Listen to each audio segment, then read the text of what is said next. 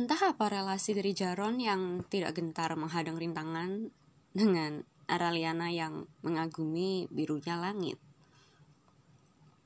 Menurut Kamus Besar Bahasa Indonesia, aral berarti rintangan atau alangan. Aral gendala ialah alangan yang muncul dengan tidak disangka-sangka. Sedangkan aral melintang ialah kata lain dari aral gendala. Seorang Jaron memaknai aral sebagai sebuah ketidaksempurnaan yang melengkapinya. The epitome of imperfection. Namanya Araliana Ayu Agatha Putri. Namun, ia hanya dikenal sebagai Araliana. Araliana merasa tidak pantas untuk menandang nama yang cantik dan segala kepempuanan dari kata sifat itu.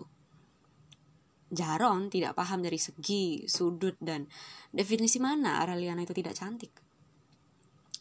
Paras Araliana memang membuat Jaron terpikat. Tapi Jaron jatuh padanya bukan karena ia cantik. Jaron tidak butuh perempuan yang cantik sesuai standar atau kecantikan sejagat. Araliana bukanlah ornamen, bukanlah instrumen, apalagi objek karena kan hanya karena ia cantik. Araliana telah menjadi subjek yang memimpin, memilih. Gue salah ngomong coy.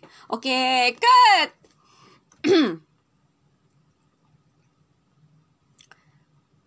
ini kenapa gue jadi jarohnya ngelenong sih ini gue bikin podcast ya Allah maaf ya guys